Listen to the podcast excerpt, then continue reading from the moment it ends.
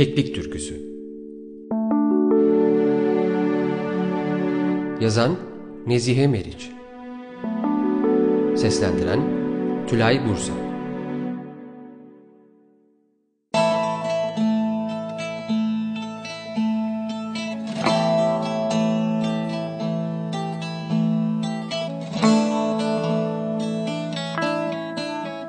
Oya yanakları ateş içinde, süzülmüş mavi gözleri pırıl pırıl, pencerenin yanındaki koltukta oturuyor, odada konuşulanları uzaktan geliyormuş gibi duyuyordu. Zehra Hanım, Koca ekmeği meydan ekmeği yavrum diyordu. Sen de vaktiyle yuvanı bil. Annen senin fenalığın için söylemiyor ki. annesi alevli alevli sürdürüyordu sözünü. Sonra Zehra Hanımcığım sonunda sapsız üzüm. Ben bunu sidiğine lebboy bilmem nesine şebboy nasıl büyüttüm bilirsiniz. Şurada kaç zamandır komşuyuz. Sonra aslan gibi çocuk ekmeği elinde okumuş olacak diyordu. İşte okumuştu. Ben de şurada iki günlük ömrümüz var yerine yerleşsin istiyorum. Babasının hiç umrunda değil vallahi. Aa, tabii ayol erkek kısmısı anlar mı? Sonra ele güne karşı da ne diyeceğimi şaşırdım. Ona olmaz, buna olmaz. Tutup insana ya sevdalı derler ya bir korkusu var. Herkesin ağzı. Oya'nın genç vücudu birdenbire dikleşti, hırçın bir sesle. Anne, rica ederim şu adi sözleri bırak. Korkusu var ne demekmiş Allah Allah. Hem el alem bana vız gelir. Ne demek canım? El alem ne demek? Benim el alemle ne işim var? Annesi Makbule Hanım yanakları ve göğsü pençe pençe kızararak İşte böyle bu kardeş. Köpek gibi hırlar insanın yüzüne. Karşına alıp evladımdır diye iki lakırtı söyleyemezsin. Cehennemin dibine git. Oya aksilendi. Orası benim bileceğim iş. Çenen tutulsun. Anne, Allah aşkına asabımı bozma. Zaten Zehra Hanım araya girdi. Canım bunda sinirlenecek bir şey yok. Varacak biz değiliz ya. Bizim dediğimiz sen mutlu olasın. Annelerin başka ne üzüntüsü var. Sonra Makbule Hanım'a hadi hadi kalk Remziye'ye kadar gidelim açılırsın dedi. Hayırlısı Allah'tan. Kısmet olduktan sonra ne deseniz boş. Yeter ki Allah hayırlısını versin. İki kadın çıkıp gittiler. Oya bir zaman pencerenin önünde oturdu. Komşunun bahçesindeki elma ağacının pembe çiçeklerini seyretti. Sonra içini çeke çeke ağlamaya başladı. Yaşlar hafif bir pembeliği olan yanaklarından peş peşe yuvarlanıyor, alt dudağını büke büke ağlıyordu.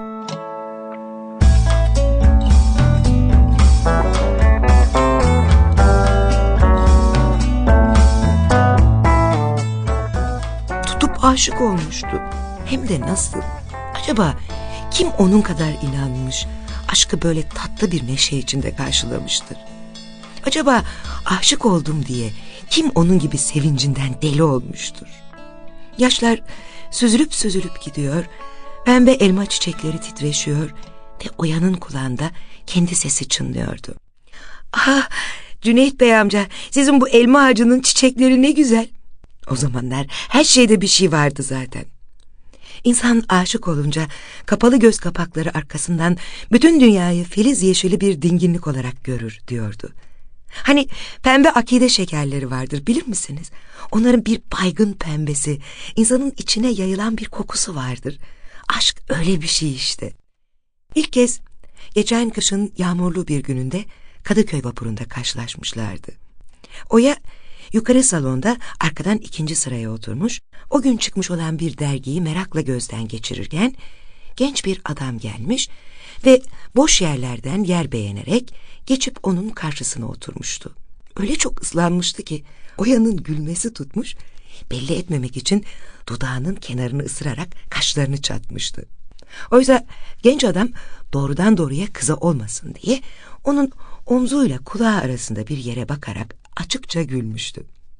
Çevresinden sular süzülen şapkasını çıkardığı zaman Oya göz ucuyla ve ilk kez geniş bir alnı, sarı ela gözleri ve saç ayrımında bir yara izi olduğunu görmüştü.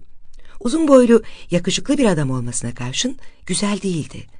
Fakat halinde tavrında öyle sevimli bir haylazlık, gülüşünde yaramaz olan çocuklarını anımsatan öyle tatlı bir haşarılık vardı ki, Oya'nın içi aydınlanıvermiş, ferahlamış, içinden kalkıp adamın boynuna sarılı vermek gelmişti. Genç adam onun elindeki dergiye şöyle bir baktıktan sonra hemen çantasını açıp aynı dergiyi çıkararak yalancı bir merakla okumaya başlamıştı. Oya da hemen orada ona bir at takmıştı. Dergi. O günden sonra hep aynı vapurda karşı karşıya oturarak gidip gelmeye başladılar. Artık koca kentin kalabalığı içinde birbirine aşina iki insan vardı. Birbirlerini inceliyor, tanımaya çalışıyorlardı. Şimdi Oya, onun tam üç kat elbisesi, sade bir beğenisi olduğunu, haftada iki kez gömlek değiştirdiğini, çoraplarına jartiyer kullandığını biliyordu. Bafra maden sigarası içiyordu. Çok şık bir sigara tabakası vardı. Ekonomiyi bitirmişti. Bankada çalışıyordu. Gömleklerinin yakaları kolalı ve kravatları çok güzeldi. Ama pantolonunun paçalarını çamur içinde bırakmasını engellemiyordu. Dergi de Oya'ya ait birçok şeyler biliyordu. Akademideydi, çok iyi giyiniyordu. Bu kış kendine bir beyaz kazak örmüş ve yeni bir manto yapmıştı. Sonra o ağırbaşlı görünüşünün altında bir şeytanın gözü saklıydı. Arkadaşlarıyla yaptıkları konuşmalarda karşılıklı kulak kesilir ve küçücük bir sözden birbirine ait türlü şeyler keşfederlerdi. Biri geç kaldığı zaman öbürü aldırmazdan gelir ve merhaba yerine geçen bir bakışı esirgerdi. Dergi ayakta mı kaldı?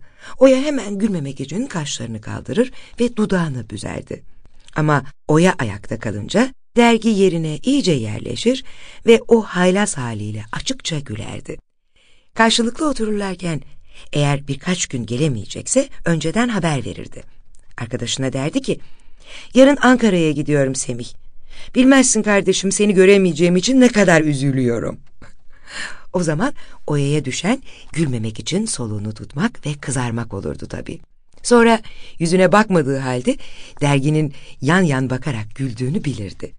Bir günde Oya'nın bir arkadaşı, Oya yarın akşam Hale'ye geliyor musun derdi. Eğer Oya evet demişse ertesi akşam sinemada dergiyle birlikte olurlardı. İşin güzeli Oya'nın o kadar kurt geçinen dayısı sinemada daima arkadan ikinci sıraya oturduklarını ve aynı sıraya uzun boylu kumral bir adam gelince yeğeninin kıpkırmızı olduğunu ayırt etmezdi. Hiç konuşmadıkları halde bir bakış, bir oturuş, kaşın ucundan geçen bir soru, dudağın bir bükülüşü, omzun bir hareketiyle birbirlerine birçok şeyler anlatırlardı. Merhaba, ne o nezle misin? Vah vah, pek yazık. Bu çanta yeni mi küçük hanım? Güle güle. Bu sabah yanınızdaki kız kimdi efendim? Gözleriniz pek parlıyordu. Ha, öyle yorgunum ki sorma. Kızım, o canım saçları nasıl da böyle kısacık kestin? Hadi hadi, üzülme, yakışmış. Bu paçalarının çamurları ne Allah aşkına? Sen çok sevimlisin valla. Ay ay ay sen dudaklarını da mı boyuyorsun? Sakın ha. Sen bana karışamazsın anlaşıldı mı? Ve daha neler neler. Dergi Oya'nın erkek arkadaşlarını hoşgörüyle karşılardı. Ama Oya onun yanında bir kız görmeye hiç dayanamaz, hemen küser ve ortadan kaybolurdu. Dergiyi günlerce vapur vapur dolaştırır, iskelelerde bekletir, sonunda bir gece düşünde görür, dayanamaz ortaya çıkardı. Karşı karşıya oturdukları zaman dergi bir oh çeker, yerine rahatça yerleşerek arkadaşına ''Azizim'' derdi, ''senin de amma sarı damarın var. Bak söyleyeyim bu böyle olmaz.'' Oya içinden güler, günlerdir süren aksiliğini bırakır, yeniden huzur içinde yaşamaya, hayal kurmaya başlardı.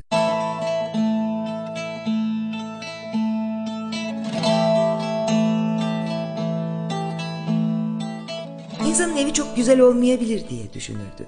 Ama evine giden yol ille güzel bir yol olmalıdır. Kendince kentin dış mahallelerine doğru kırlara ve dağlara yakın asfalttan ayrılan bir toprak yol düşünürdü. Bahar vakti insan bostanların kenarından rüzgarın sesini dinleyerek ağır ağır yürür. Kent uzakta, denizle göğün bir örnek maviliği arasında hafif dumanlı ve değişik bir mavilikte küme halinde durmaktadır. Uzaklardan sesler duyulur. Kırlangıçlar gelir geçer.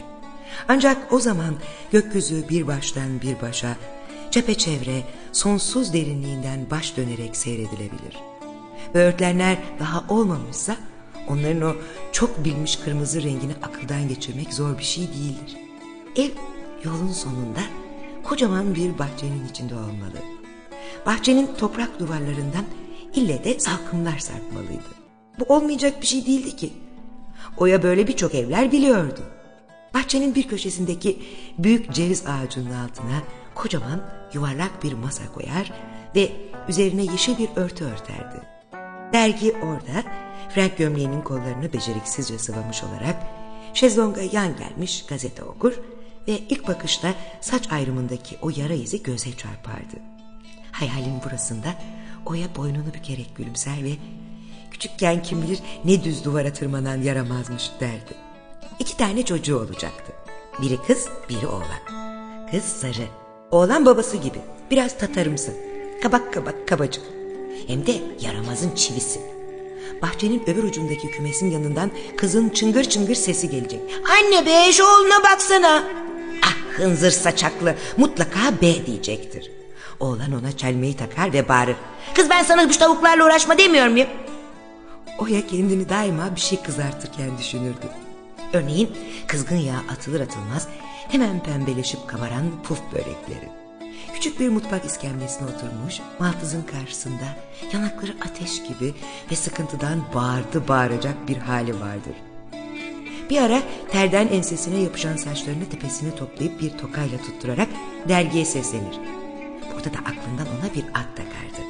Çünkü dergi onun merak ettiğini bildiği için adını sıkı sıkıya saklardı. Cahit, sütçü geldi, alıver, hadi canım. Dergi ona bakar, o kayıtsız haliyle güler, sonra esner ve masanın üzerinden süt tasını alarak kalkar. Oya bazen kendi sesini duyduğunu sanır, onun sallana sallana bahçe kapısına doğru gidişini görür gibi olur, tutar ağlardı. O zaman koşar Beyhan'ı yakalar, yarı ağlayıp yarı gülerek, vallahi billahi yakında kaçıracağım derdi. Gece hep onun sesini işitiyorum. Allah canımı alsın ki işitiyorum. Geçen akşam düşümde o bahçeyi gördüm. Çocuklar için kırmızı çiçekli çinko maşrapalar almıştım. Yeşil masa örtüsünün üzerinde ah ne kadar da güzel duruyordu. Sonra yine yolda, okulda, evde, uykuda düşünü sürdürür giderdi. Kendisine hiçbir zaman sıkıca taranıp toplanmış saçlar, siyah bir elbise ve topuklu ayakkabılarla genç bir kadın olarak gözünün önüne getiremezdi. O her zaman böyle küçük spor gömlekleri, kolları sıvalı hırkaları ve gülerken kırışıveren burnuyla bir genç kız olarak kalacaktı. Zaten dergide haylaz bir oğlan çocuğundan başka bir şey değildi. Çocuklara gelince onlar saç baş bir yanda, yaramaz, haşarı, dağ bayır kokulu ve biraz yabani olsunlar isterdi. Kendi kendine ben de mahalle bir ruh var derdi. Bak hele nasıl gevşek bir yaşam düşünüyorum.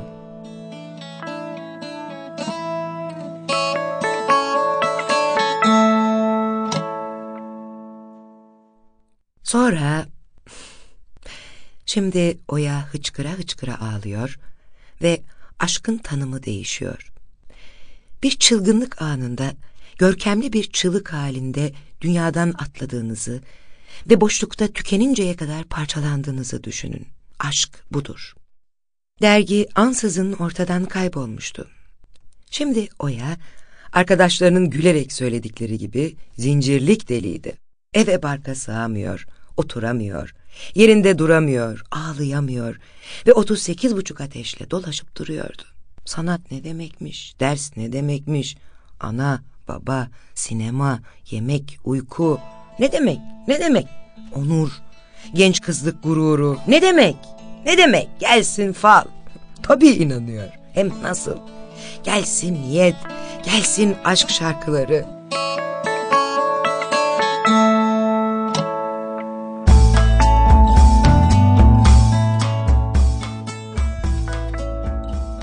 Sonra günlerden bir gün o akşam vapurunda karşılaştılar.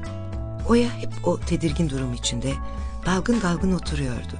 Bir ara ansızın vapurun kalabalığı ve uğultusu içinde her şeyi birdenbire görüverdi. Derginin parmağında pırıl pırıl bir nişan yüzüğü. Yanında bir kız. Hem de ne kız. Ortadan ayrılıp sımsıkı fırçalanarak ensede toplanmış parlak siyah saçları, simsiyah gözleri, kıpkırmızı dudakları insanın gözlerini dört açtıran olağanüstü güzel bacakları olan bir kız. O dolgun göğüs, o fıstık yeşili tayör, o yakadaki uçuk sarı çiçekler. Oysa Oya dergiyi görür görmez başını çevirecek ama daha önce şöyle bir bakışla rica ederim sizinle bir alışverişim yok diye istem etmiş olacaktı. O yine karşısına oturacak, yine omzuyla kulağı arasındaki bir yere bakarak gülecek, arkadaşına Semih diyecekti. Ya, müthiş hastaydım. İnan ki kardeşim hep seni sayıkladım. Beni düşünde görmedin mi? Oysa onlar yanından geçerken Oya bütün çabasına karşın yine de başını kaldırıp bakmıştı. Dergi göz göze gelince sıkıntıyla başını çevirmişti. Oya hep şaşar. Nasıl düşüp bayılmadan oturabilmişti? Nasıl olup da avaz avaz ağlamamıştı? Sadece yüreği boğazını tıkayarak çarpıyor, kulakları uğulduyor ve güçlükle soluk alıyordu. Ateşinin yükseldiğini anlıyor, gene de büyük bir suskunluk içinde oturuyordu. Derginin onu aldattığına hiçbir zaman inanmadı. Defterine sadece sevdiğimin kavalı kaldı dayalı yerde diye yazdı. O sarı, ela gözleri ve o haylaz görünüşüyle dergi iyi bir adamdı. Ama o ilk geceler sabahlara dek ağlarken hep derdi ki Allah'ım, Allah'ım benim iyi niyetime yazık değil mi? Allah'ım bana acımadın mı? Şimdi masanın yeşil örtüsüyle çocukların çiçekli maşrapaları ne olacak? Ya benim saçaklı sarı kızımla kabacık oğlum? Artık dergi benim değil mi? Artık arkadaşlarım Oya'nın dergisi diyemeyecekler mi? Üstelik ben o güzel kızı da beğenmedim. O, o kız dergi eve geldiği zaman kapının arkasına saklanıp korkutmasını ve o yara izine bir öpücük kondurmasını da bilemez. İşte öyle bacak bacak üstüne atıp kurulur. Hafiften bir akşam esintisi çıkmıştı. Elma çiçekleri titreşiyor ve Oya yine öyle gözleri pırıl pırıl ve yanakları ateş içinde oturuyordu. Artık ağlamıyor ama bu yeni mühendis istekliği nasıl atlatacağını düşünüyordu. Zehra Hanım'ın lafları aklına gelince dayanamayıp gülümsedi. Kız Finnari diyordu. Alemin kızları doktor diye, mühendis diye can veriyor. Kız kısmına öyle ressamlık, messamlık ne olacakmış? Var bir kocaya da gelip evinde bir kahve içelim. Kız everdik diye azıcık da biz gerinelim bakalım.